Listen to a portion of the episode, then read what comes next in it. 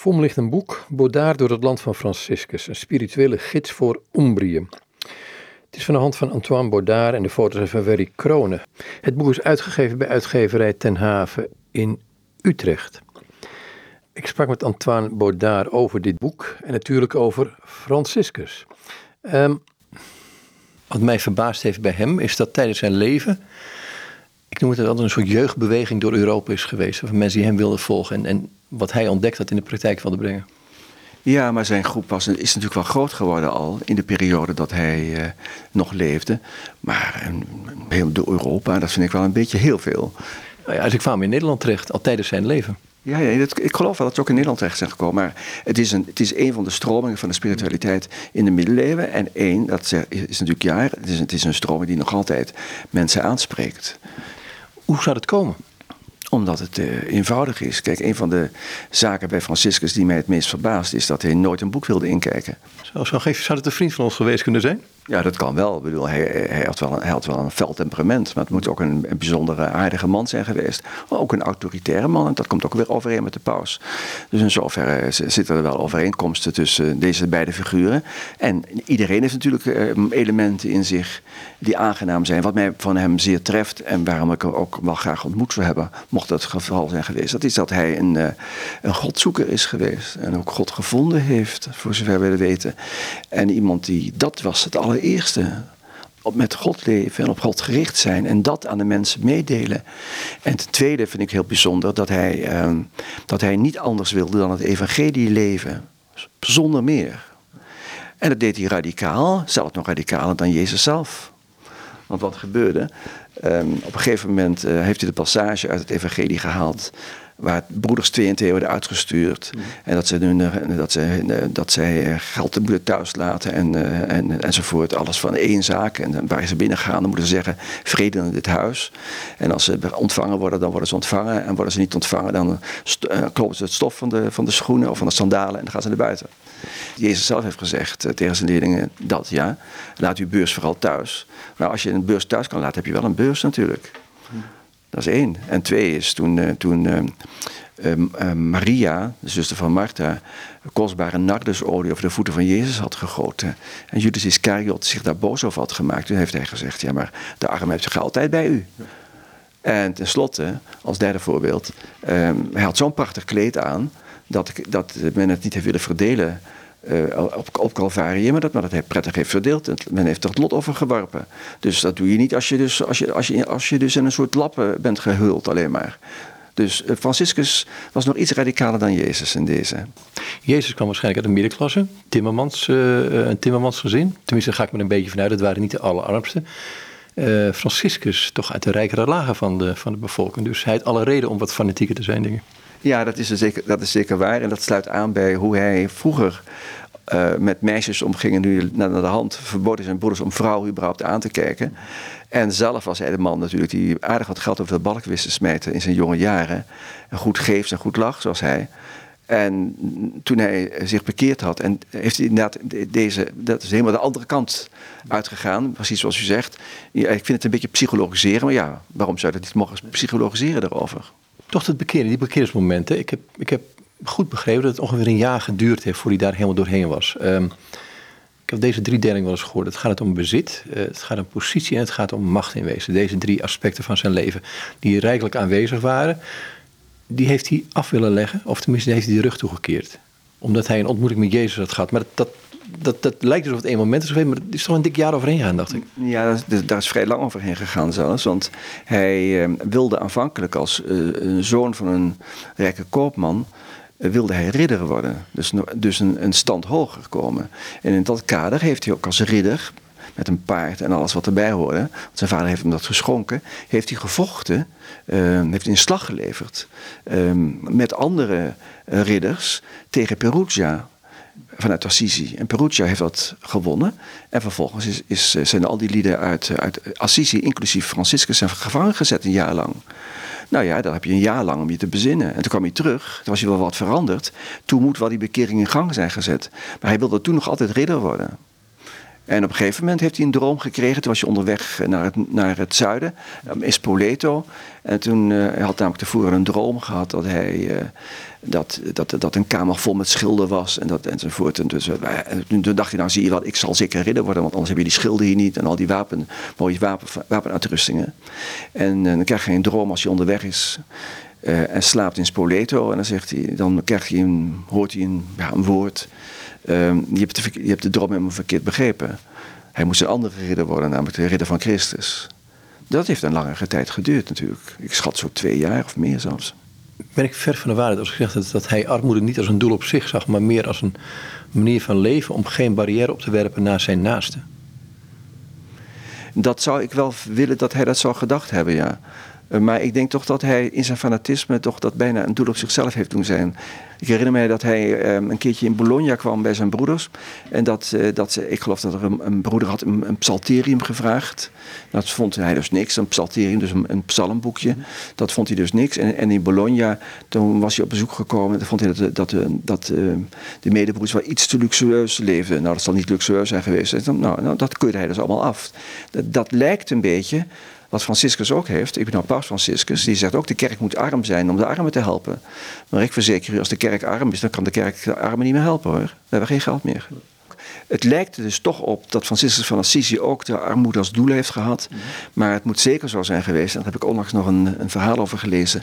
Namelijk op Goede Vrijdag um, heeft een kapucijn, dat is iemand die hoort tot de familie van, van, van de Franciscanen, heeft gepreekt voor het pauselijke huis, waar de paus dus ook bij aanwezig was. En toen heeft hij uitgelegd dat Franciscus van Assisi natuurlijk de armoede niet bemint.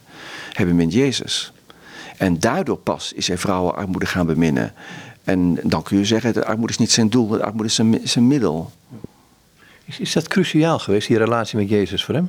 Natuurlijk, als, als, als, als, je niet zo. Ze zeiden niet voor niks tegen hem pazzo, dat betekent dwaas.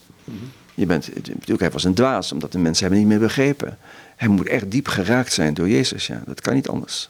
Welk moment is het geweest? Nou ja, dat is dus geleidelijk gegaan. Ik stel me dus voor dat in de gevangenis van Perugia er al een heleboel gebeurd is. Ik herinner me dat hij een kerkje langskwam buiten Assisi. En daar hoort hij de stem uh, van Jezus die tot hem spreekt vanaf het kruisbeeld. En die zegt, uh, Franciscus, ga mijn kerk herstellen.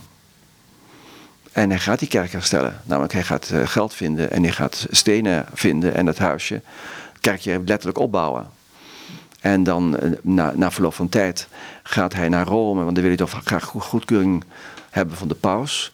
En de paus die is daar wat terughoudend over, zoals begrijpelijk natuurlijk. Als je zo'n, zo, zo, zo, ik zal maar zeggen, zo'n zootje ongeregeld dat ziet binnenkomen. Maar hij was wel binnengekomen. En diezelfde nacht krijgt die paus een droom. En die droomt dat er een, een kleine monnik is die, die, die de, kathedraal van Rome, de Sint-Jan van Lateranen, uh, komt stutten. En de volgende dag komt Franciscus terug en dan, dan geeft de paus heb toch het voordeel van de twijfel. En zegt, nou goed, uh, doe dat, preek dan maar en doe dan maar zoals je wil. Dat is wel een mooie overlevering natuurlijk. Wat blijf je, als je dit nou leest, want ik, ik, ik proef hier een, zekere, um, enige die psychologische kant hierin zit, um, maar ook die ontmoeting met Christus. Hoe is het uit elkaar te brengen of is dat altijd verweven met elkaar? Ik denk dat het altijd verweven met elkaar is. Maar waarom, waarom, waarom het mooi is om het te vertellen, dat is natuurlijk omdat, omdat uh, ja, het, het heeft iets van de eenvoud die je bij de middeleeuwen voorstelt. En uh, waarom trekken zo ongelooflijk veel mensen naar, naar Assisi nu? Uh, gelovigen en ongelovigen. dat is toch door het verhaal rond Franciscus. In de bovenkerk van, van Francesco zijn twee kerken boven elkaar. De bovenkerk, daar heb je die schilderingen van Giotto waar het allemaal is uitgebeeld. En het heeft ook, heeft ook iets kinderlijks. Um, ook als ik dus denk aan dat de paus droomt dat, dat een eenvoudige monnik de kerk zal stutten, maar dan in de overdrachtelijke betekenis, de kerk zal hervormen, uh, voor zover dat nodig is. Uh, dan zie je dus op de, op de, schildering, zie je dus een, dat monnikje zie je dus staan. En heeft zijn schouders onder de kerk van Sint-Jan van Lateranen. Nou, dat, dat heeft iets aandoenlijks. Dat komt erbij. En dan natuurlijk zijn figuur uh, als de man die in, naar, naar, naar Egypte reist en daar duidelijk wil maken aan de sultan dat het christendom natuurlijk wel het ware geloof is en de islam niet. En hij hoopt dan eigenlijk dat, dat uh, de sultan, zo, zo hij niet overtuigd geraakt, dat hij dan tenminste dan hem zijn kop er wel afhakt. Van Franciscus, want is hij martelaar. Nou, wat wil je nog meer? Dan ben je meteen in de hemel, meteen bij Jezus. Maar dat is hem niet overkomen. Maar goed, het is wel, het is wel een idee die, dat hij dus de discussie toen is aangegaan hoe, hoe weinig dat ook in de praktijk is geweest, want daar is natuurlijk niet zoveel van over bekend. En dan dat hij met de volgers praatte en van de dieren hield en van de natuur hield. Uh, dat zijn allemaal elementen die we allemaal nu terugvinden. Kijk, niet voor niks uh, weet iedereen wat Werelddierendag is, 4 oktober, maar niemand weet dat dat echt de feestdag van Franciscus is. Is het zo? Ja, ziet u, u weet het ook niet. Nee, dat klopt. Nee, nee dat is de feestdag van Franciscus in de katholieke kerk, 4 oktober. En die wordt, en wordt wat voor manier gevierd? Bij het eten van vis? Eh, ik zeg maar wat. Nee, dat is gewoon de Eucharistieviering en, en, en de lezingen van de dag. En, uh, nee, dat is niks bijzonders. Uh, want wij vieren het hele jaar door heiligen. Maar 4 oktober is het feest van Franciscus. En omdat hij ook patroon van Italië is, is in Italië dat een wat groter feest. Maar daar hebben ze dus van gemaakt, Werelddierendag. Is dat de manier waarop uh, het christendom van binnenuit uitgehold wordt door de wereld? Nou, nee, dat hoeft niet. Je kunt, je kunt, eh, je kunt dat ook samen laten gaan. Waarom, is, waarom zouden, zou je de mensen de Werelddierendag niet gunnen? Maar het is wel prettig om af en toe te laten weten waar dat vandaan komt. En, dan, en dat blijkt bij, bedoel, Sint-Nicolaas. Er wordt enorm getwist over Sint-Nicolaas. Althans, meer over, eh, meneer Pieterman.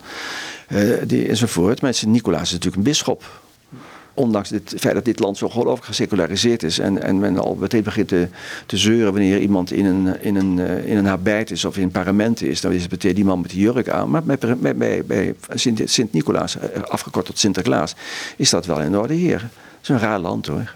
Merkwaardige mensen. Je zou er een Asterix, daar had een Asterix en Obelix over geschreven moeten worden eigenlijk nog. Hè? Dat zou heel goed kunnen, ja. Maar eh, dat, dat moeten we dan overlaten aan de mensen die dat kunnen. Uh, Franciscus, op een gegeven moment er zit zo'n episode in zijn leven. Um, dan staat hij op het plein en dan kleedt hij zich helemaal uit dat hij wil niks meer bezitten. Um, dan denk ik, jij bent rijp voor de inrichting of? Ja, hij werd ook niet voor niks natuurlijk een pad zo genoemd. Maar het verhaal is het volgende. Uh, toen hij dus eenmaal bekeerd was en dat kerkje moest gaan, uh, moest gaan restaureren, um, dacht hij, ja, ik moet toch geld hebben enzovoort. En, um, hij bekommerde zich ook veel meer om de armen dan hij. Hij was altijd wel gevoelig daarvoor, maar hij was daar veel gevoeliger voor geworden. Dus op een gegeven moment heeft hij zijn paard verkocht en zijn prachtige harnas verkocht om ridder te worden. En ook nog een aantal balen stof uit de winkel van zijn vader meegenomen. Die was hij gaan verkopen. Dus zijn vader die was boos. Van ja, uh, je moet van, van mijn balen stof af, afblijven. En ook van het geld uit de kassa. Zo stak ik me dat voor. En dan wendt de vader zich tot, uh, tot de consul. Ehm, dat we zeggen tot de, tot de wereldlijke overheid. maar Franciscus geeft duidelijk te kennen dat hem dat helemaal niet interesseert. Want hij hoort niet meer bij de wereld, hij hoort bij de kerk. Op grond daarvan gaat die vader dus naar de bisschop. En de bisschop eh, is een wijze man kennelijk, want die raadt Franciscus aan, geef dat geld nu maar terug. En, en, en dan ben je vrij en dan kun je altijd nog weer bedelend rondgaan. Maar het temperament van Franciscus was zodanig dat hij dus zei: Nou goed, dan geef ik dat geld terug. Maar dan wil ik ook helemaal niets meer van hem hebben. Trok zijn kleren uit, legde die op het geld. En verscheen toen, kennelijk buiten. En uh, dan zegt hij dus: Nu heb ik alleen maar nog de vader die in de hemel is. En mijn vader, die ken ik niet meer. Nou, ik heb het, uh, ik heb het vooral toegelicht uh, in de televisieserie en ook in het boekje vanuit de andere kant. Je zal toch maar een zoon hebben die, eh, die zich zo gedraagt terwijl jij, terwijl jij alles voor hem doet. En, dan, en, dat, en dan, dat hij zo, zich zo ja, gedraagt, respectievelijk misdraagt. Dus um, dat geeft wel te denken. Maar dat is het verhaal. Wat geeft dat te denken? Nou ja, dat, dat, dat, dat men niet moet denken dat mensen die heilig heten of heilig verklaard worden uh, na hun dood. Dat is bij Franciscus trouwens vrijwel meteen gebeurd, want hij had natuurlijk al de, de roep van heiligheid later in zijn leven. Um, dat, dat de heilig zijn niet betekent um, dat mensen zonder fouten zijn. Of mensen niet uh, onmogelijke karakters kunnen hebben. Vele heiligen hebben volgens mij best onmogelijke karakters. Misschien wel uitsluitend, denk ik soms wel eens. Ja, dat zou heel goed kunnen. Zijn in ieder geval, voor de wereld zijn het vaak dwazen. Nou goed, in de schrift staat eh, de dwazen en, en de wijzen. De wijzen van de wereld zijn de, zijn, zijn de wijzen in het geloof. En de dwazen van de wereld zijn de, dat zijn de heiligen. Rond die natuur, want er is, ik, ik sprak iemand die heeft vrij veel van Franciscus vertaald, over zijn deugden geschreven. Een wetenschapper, ik kan hem niet exact uh, citeren, maar het komt hier ongeveer op neer. Hij zegt, ja, als ik een lezing hou over Franciscus dan zeg ik er vaak, doe ik er een eco-verhaaltje bij of een groen verhaal. Want dat trekt wat meer mensen. Maar eigenlijk heeft het weinig met hem te maken. Nou, dat denk ik dat het wel met hem te maken heeft. Want uh, in de middeleeuwen was de natuur vaak, uh, werd vaak beschouwd als vijandig. Bij Franciscus is, is dat niet zo. Hij houdt van de natuur. Mhm. Hij beschouwt, laten we zeggen, de natuur, zoals meer lieden dat deden in de middeleeuwen en ook heden ten dagen nog. De, de, de, natuur is het tweede boek van God. Het ene boek is de Bijbel, het andere boek is de natuur. En dat kun je openen. Je moet er wel ogen voor hebben natuurlijk. En dat hij zich zo bekommerde om de dieren, dat hij, dat hij de vogels aangesproken heeft. Ook al is dat misschien meer in de sfeer van, de, van legende. Dan nog zegt dat iets over hoe hij... Eh, ja, gewaardeerd is in die tijd. En het beroemde verhaal, waarvan ik me afvraag of het echt is, dat hij in Gubbio eh, een, een wolf uh, toespreekt, die de buurt onveilig maakt enzovoort. Ja, dat is, dat is een variant die je natuurlijk in, tal van heilige leven en van andere levens tegenkomt. Denk maar aan, de, denk maar aan uh, Hieronymus, die woonde in Bethlehem. En er was daar een leeuw die hij toen geholpen heeft, een, een, een iets uit zijn poot getrokken, zo'n, uh, weet zo'n ding, zo'n doorn, dat is het woord, doorn. En die heeft hij dat was toen, dat was, en dat verhaal van Hieronymus komt ook weer voort in de, voor in de oudheid. Bij een zekere Androcles. Dit zijn dus, zo zou je dat kunnen noemen, topboy, vaste wendingen in, in zo'n zo'n legende. En die zijn ook leerzaam. We moeten, niet, we moeten niet op de wijze zoals wij nu historie bedrijven dat soort levens beschouwen op een andere wijze. Bijvoorbeeld over die wolf, die hij dus heeft toegesproken, die daarna braaf is geweest en door de inwoners van Gubbio ook werd gevoed. Uh, een variant erop zou kunnen zijn dat het, dat het een mens is geweest die de mensen heeft belaagd en die op een gegeven moment tot bekering is gekomen. Dat is ook niet ter zake. Het gaat erom wat het verhaal beduidt. En dat de leven van Franciscus speelt, spreekt daarom tot een verbeelding. Maar waarom zouden we niet hem mogen eh, inlijven bij de eco-gedachte? Nu, als hij zo van de natuur heeft gehouden. Als je van de natuur houdt, dan ga je hem niet kapot maken. Dat is waar. En degenen die de natuur vernietigen, die worden later ook vernietigd, staat er ergens een openbaring op zo'n eigenaardige tekst. Ja, nou die heb ik niet paraat op dit moment, maar het komt erop neer toch. In ieder geval als de wereld toch vergaat, dan gaat, vergaat de wereld natuurlijk ook. Dus dan is het allemaal uh, tot daar aan toe. Maar mensen die van de natuur houden, ook al lang geleden, dat zijn toch wel voorbeelden van ons. Is het, bij hem, is het hem die gang geweest van houden van Jezus en daardoor houden van de natuur?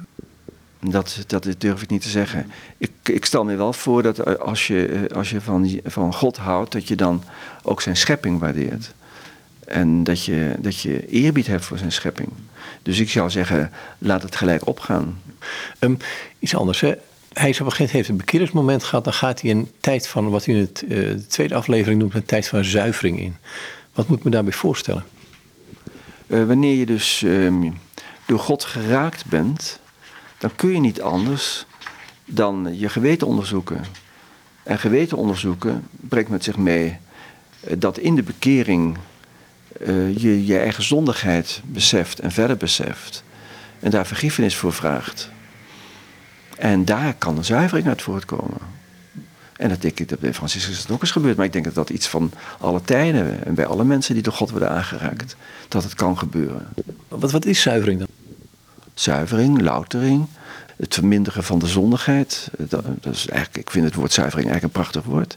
Maar loutering, als u dat beter verstaat, is, is ook goed. Ja, ik vraag me gewoon wat, wat, wat het betekent. Ik weet niet de, de woorden ken ik ook. Maar... Dat, de puurheid terugkeert, dat de, dat de zuiverheid, uh, voor zover die mensen die verloren is, dat die probeert terug te krijgen. De pure zuiverheid zul je waarschijnlijk nooit terugkrijgen. Bovendien zijn wij gevallen mensen volgens de protestanten geneigd tot het kwaad en niks dan het kwaad. Nou, katholieken, zoals ik ben, zijn wij, wij zijn wat minder pessimistisch. Uh, dankzij de genade kunnen we ook wel iets goeds doen. Maar um, dat is toch, dat is toch een, een, een, een, dat je voor God durft te komen staan. Ja, altijd, altijd natuurlijk wel um, wetend dat je zondig bent, maar toch wat minder dan, dan het eerste, eerste is geweest. Wat is zondigheid dan? Zondigheid is de, je afwenden van de liefde van God. En je wenden naar het kwaad. Laten we, laten we het zo vertalen. Er zijn heel veel mensen die geloven niet meer in God. En die geloven helemaal niet meer in God als hij niet zo voorkomt wat hij niet bevalt. Hoe erg soms ook. Hè? Dat niet bevallen, ik kan onschuldig zijn, maar je kunt vreselijk moeten lijden. Dat weet ik natuurlijk. En het gevolg is dan, zeker in onze dagen, dat wij dus niet meer uh, geloven in God. Want als God had bestaan, dan zou hij dit niet hebben toegestaan. We gaan volledig voorbij aan het gegeven. Je kunt je verbinden met het goede en met het kwade. Je kunt je verbinden met God en met de tegenpartij, de duivel. De duivel bestaat. En eh, dat wil dus ook zeggen, wanneer je dus eh, in een periode van zuivering bent, dat je je probeert verder af te keren van de duivel en verder probeert toe te keren naar God. Dat betekent dus ook dat je probeert Gods wil te doen en niet je eigen wil te doen. Nou, dat zijn allemaal elementen die bij die, bij die zuivering, bij die loutering, bij die bekering horen. En uh, je bekeert je van de zondigheid. Je keert je om naar God vanuit de zondigheid. Je wendt je niet meer je gelaat naar de wereld en naar eh, de, de vorst van de wereld, de duivel geheten. Maar je probeert in ieder geval je tot God te wenden. Wend je je tot God, je gaat met hem leven. Um, en dan en dan word je niet begrepen meer op de een of andere manier. En niet in de dwaasheid voor de wereld, maar ook bij, onder je eigen broeders kun je op een gegeven moment tot een punt komen, wat de Franciscus ook gebeurde. Je wordt niet meer, meer, begrepen, niet voldoende begrepen. En ook het lijden doet dan zijn, in, zijn, zijn intreden. Wat ik, ik ook wel gezien heb bij mensen die ouder worden, die een vruchtbaar leven en toch komt het lijden komt er binnen. Toen denk jongens, bijna zou je willen zeggen, waar heb je dat aan verdiend? Ja, maar, dat, maar dat, zo, zo, moet je dat volgens mij niet, niet beschouwen. Um, Franciscus heeft zich vervreemd van de wereld. En werd dus ook uitgejouwd enzovoort. Maar naar de hand uh, is, hij ook, is, is zijn charisma ontdekt. Toen hij werkelijk uh, vanuit die loutering gekomen is en zijn arbeid aanpakte. Um, maar lijden hoort bij het leven. En uh, het is niet voor niks dat Paulus al schrijft over het, het lijden van Christus. Dat wij in zijn lichaam, niet in Christus, maar in zijn lichaam, de kerk, kunnen aanvullen. Dus uh, degene die, die moeten lijden zijn vaak de, de oogappelen van, van God. Het is paradoxaal om te zeggen. Ja. Het is er beide toe leiden te zeggen, nou ja, waarom zou je Christus volgen? Want dit wacht je. Ja, maar dat, zegt Jezus zelf. Uh, wie mij volgen, neem zijn kruis op en volgen mij. Dus dat hoort erbij. En dat, dat is natuurlijk waar wij veel te weinig over nadenken. Uh, hoe, hoe, hoe belangrijk, wou ik, bijna zeggen, lijden is om daarmee om te gaan. Je moet, kijk, door, door, door, door, door meneer Freud uh, in het begin van de 20e eeuw en dat, dat, dat, dat masochisme bestaat, daardoor, nou, laat ik, laat ik die zin niet afmaken, laat, laat, laat ik dit erop, dit erop zeggen. Natuurlijk is het niet de bedoeling dat wij masochisten worden. Natuurlijk is het niet zo dat wij blij moeten zijn dat wij mogen lijden. Op een bepaald niveau niet. Maar, uh, maar het lijden dat ons overkomt. Dus niet, we hoeven het niet te zoeken. We moeten het ook proberen van elkaar weg te houden. Maar, als het ons overkomt, is het de kunst om ermee om te gaan. En het bij God terug te brengen. En als je weet dat je, dat je met hem leeft, ja, dan, dan het blijft, het blijft het een raadsel waarom jou dat overkomt. Maar dan moet je daarmee leven. Hoe deed Franciscus dat? Nou, Franciscus bleef natuurlijk in zijn radicaliteit en die heeft een periode gehad dat hij zich verder terugtrok in de bergen van het zogenoemde Rieti-dal. Dat ligt verder richting Rome. Waar hij met sommige broeders dan in bepaalde kluizen en een paar kluizen bij elkaar heten dan kluizenarijen woonden in de eenzaamheid. Mm. En daar uh, een soort. Uh, want dat is goed om te, ook te bedenken. Dat Franciscus was niet alleen uh, de man dus die onder het volk was. En met, met de mensen. Maar was ook de man die zich van tijd tot tijd terugtrok.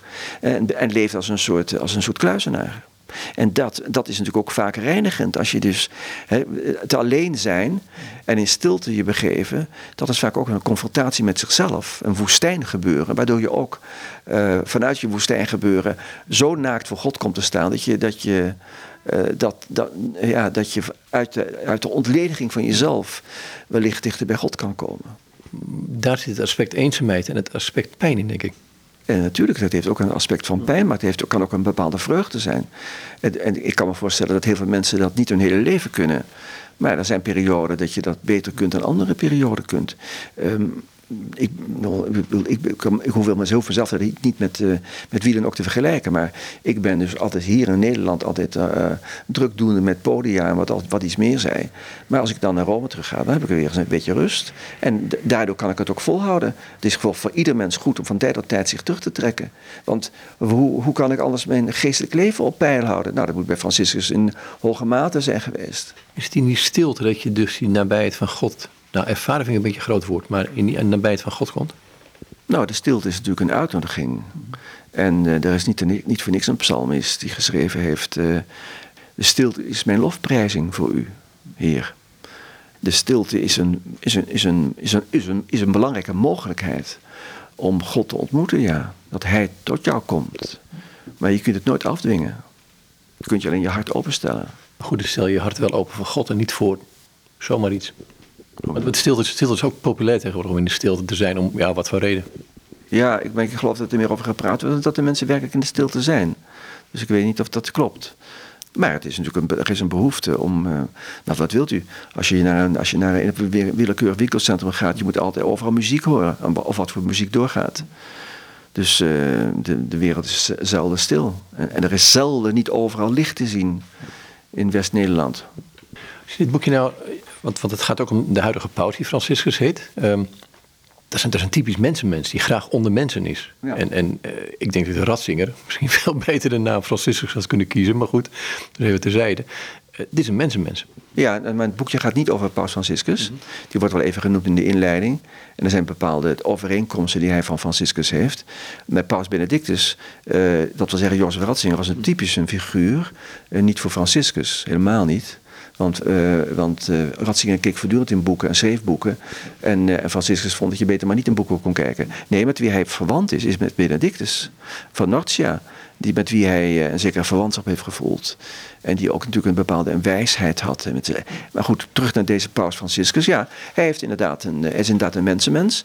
Ehm, dat, is, dat is mooi. Dat is mooi dat die afwisseling nu is. Hij heeft ook zo de, de, de trekken van bepaalde van Franciscus, maar bepaalde ook van de, van, van de, van de Jezuïeten. Hij is tenslotte een Jezuïet. En Jezuïeten zijn nogal eigen gereid, gaan hun eigen gang. Nou, dat zien we deze pauze ook wel tamelijk terug. En dan ziet hij er meestal uit in dat witte kleed, wat hij dus draagt. Altijd een beetje zo flodderig. Nou, en zo zien Dominicanen eruit. Vandaar dat we in Rome hem noemen de paus. Hij ziet eruit als een Dominicaan. Hij gedraagt zich als een Franciscaan. Maar hij regeert wel als een Jezuïet. Is het zo erg? Oh ja, dan moet je ook, moet je ook een beetje vrolijk zien natuurlijk. Wat hebben jullie met dit boekje willen bereiken? Wat, wat, wat willen u mee? Nou, het is een vorm van catechese, om maar eens één element te noemen. Uh, het, het, boekje begeleidt de DVD. Het gaat, het, ik zou beginnen, als iemand het boekje zich zou verwerven, te beginnen met de DVD. Die duurt ongeveer een uur. En dan heb je dus het leven een beetje zo doorgegaan. -hmm. En dat, ik probeer in het boekje probeer ik dat te, wat te verdiepen. En dan kun je als het ware het ook nog eens een gedeelte bekijken. En dan met, met, met het boek erbij kun je overwegen wie die figuur van Fiscus is geweest. En wat hij voor ons nog kan beduiden in onze dagen. Nou, dat is in eerste instantie de radicaliteit om zich tot God te wenden. Dat er voor iedereen bekering mogelijk is. Want hij was een verwend nest in zijn jonge jaren. Met alles wat erbij hoorde. Hij heeft zijn wereldlijke carrière afgebroken om, om deze geestelijke weg te gaan. Hij heeft de armoede gepredikt. Met, dat is voor ons ook heel belangrijk. Uh, de, dikbuikigheid en alle, en alle schoonheidssalons die nodig zijn omdat wij allemaal te veel eten, te veel drinken enzovoort. Dat, is, eh, dat kun je bij Franciscus ook leren. Nou, en dan hebben we nog Werelddierendag, 4 oktober. Dus zijn, zijn feestdag. Met andere woorden, de dierenpartij zou ook blij zijn met Franciscus. En, de, en de he het hele omgaan met de natuur. Dat zijn allemaal elementen die je bij Franciscus terugvinden. Dus dat is een, dat is een reden waarom Franciscus populair is. En dit is een, een boekje. Want ik, ik, ik steun wat betreft de informatie vooral op de bronnen van de eigen tijd. En die zijn machtig bij elkaar gezet en prachtig bij elkaar gezet door Helene Oltenius. En ik heb haar boek daarvoor geplunderd. Dat heb ik ook achter in de verantwoording natuurlijk gezet. Ja, ik zag ook zo een verwijzing naar de, de, de biografie die Julian Green heeft gemaakt. Ja, Julian Green. Kijk, Julian Green, um, het, het, dat is het andere, inderdaad het andere boek wat ik heb, ge, heb geraadpleegd. Julian Green schrijft als het ware een roman over Franciscus. En is, aan het einde van, het uh, boek, van zijn eigen boek, zegt hij: Nou ja, ik vind het heel jammer dat mijn boek nu, nu uit is, want uh, dan moet ik die man loslaten.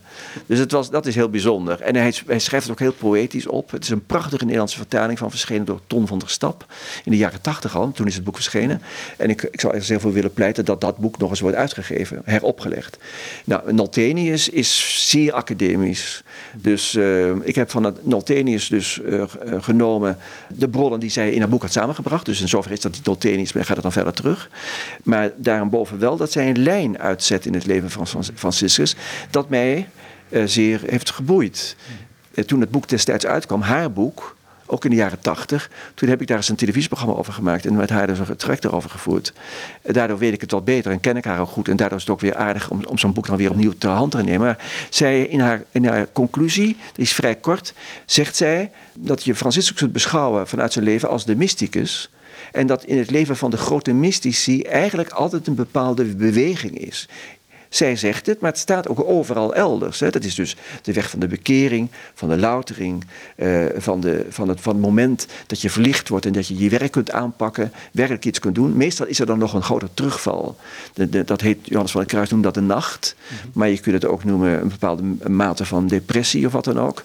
En daarna is er dan op een ander niveau, komt dan, komt dan God nog dichterbij voor de enkeling die zo begenadigd is dat dat gebeurt. Nou, dat, is een, dat vond ik een hele mooie lijn. Die lijn heb ik dus in het boek aangehouden, maar die lijn heb ik ook in het, in het televisieprogramma gehanteerd.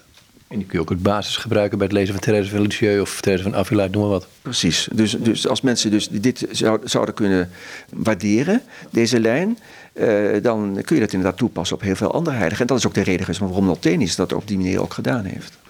Heeft hij nou ook zelf geschriften nagelaten, Franciscus? Hij heeft niet zo heel veel geschreven. Ja, we, kennen, we kennen natuurlijk allemaal het zonnelied.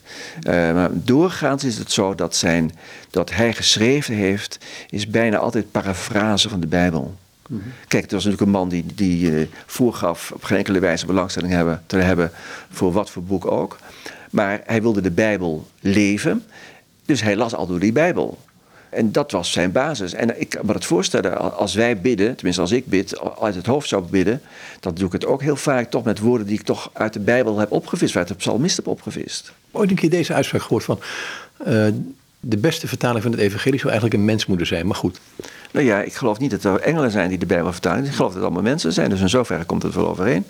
Um, maar om de Bijbel zover um, aan te passen aan de mens dat het, dat het huistuin- en keukentaal is, waardoor weinig nog van die, van die diepte eh, van de, bij, van de Bijbel overblijft. Hè, wat we nu net hebben gehad met de nieuwe Bijbelvertaling weer. Ja, hier vergeven ons onze foutjes. Ja, dat vind ik dus verschrikkelijk. En een ander, ander voorbeeld, dat heb ik niet van mezelf, maar dat heb ik gezien van een bekende EO-figuur.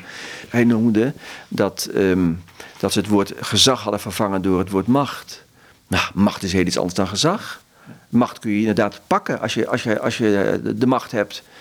Maar gezag kun je alleen maar krijgen. Je kunt heel veel macht hebben, maar zonder enig gezag zijn. Dus het is zo zwak. En waarom kun je de mensen niet een beetje opvoeden in de Nederlandse taal? Gewoon de Bijbel wat serieuzer nemen. Nou, ik, ik, ga er niet van uit dat het Nederlands Bijbelgenootschap de opdracht heeft gegeven om dat te bewerkstelligen. Nee, ik denk dat je, ik denk dat, je dat hele ten dagen maar vaak te veel op de hurken gaat zitten. Je kunt ook uitleggen wat een kribbe is. Een kribbe, lieve kinderen, dat is een voederbak. Een voederbak die gebruikten ze in die tijd, enzovoort. Dan kun je het woord kribben gewoon handhaven. Waarom moet je het woord voederbak gebruiken? Ja, voor ark wordt boot. Ja, maar een ark is meer dan een boot. Nou ja, enfin, daar zijn we het wel over eens. Ja, maar goed, ik snap je wel. Maar goed, um, ik zeg maar gewoon dankjewel. Oh ja, we zijn eruit. Oh goed, ja, tot ziens. Heel graag gedaan. Goed, en dit zei Antoine Baudard en ik was met hem in gesprek over het boek Baudard door het land van Franciscus, een spirituele gids door Umbria. Door hem geschreven.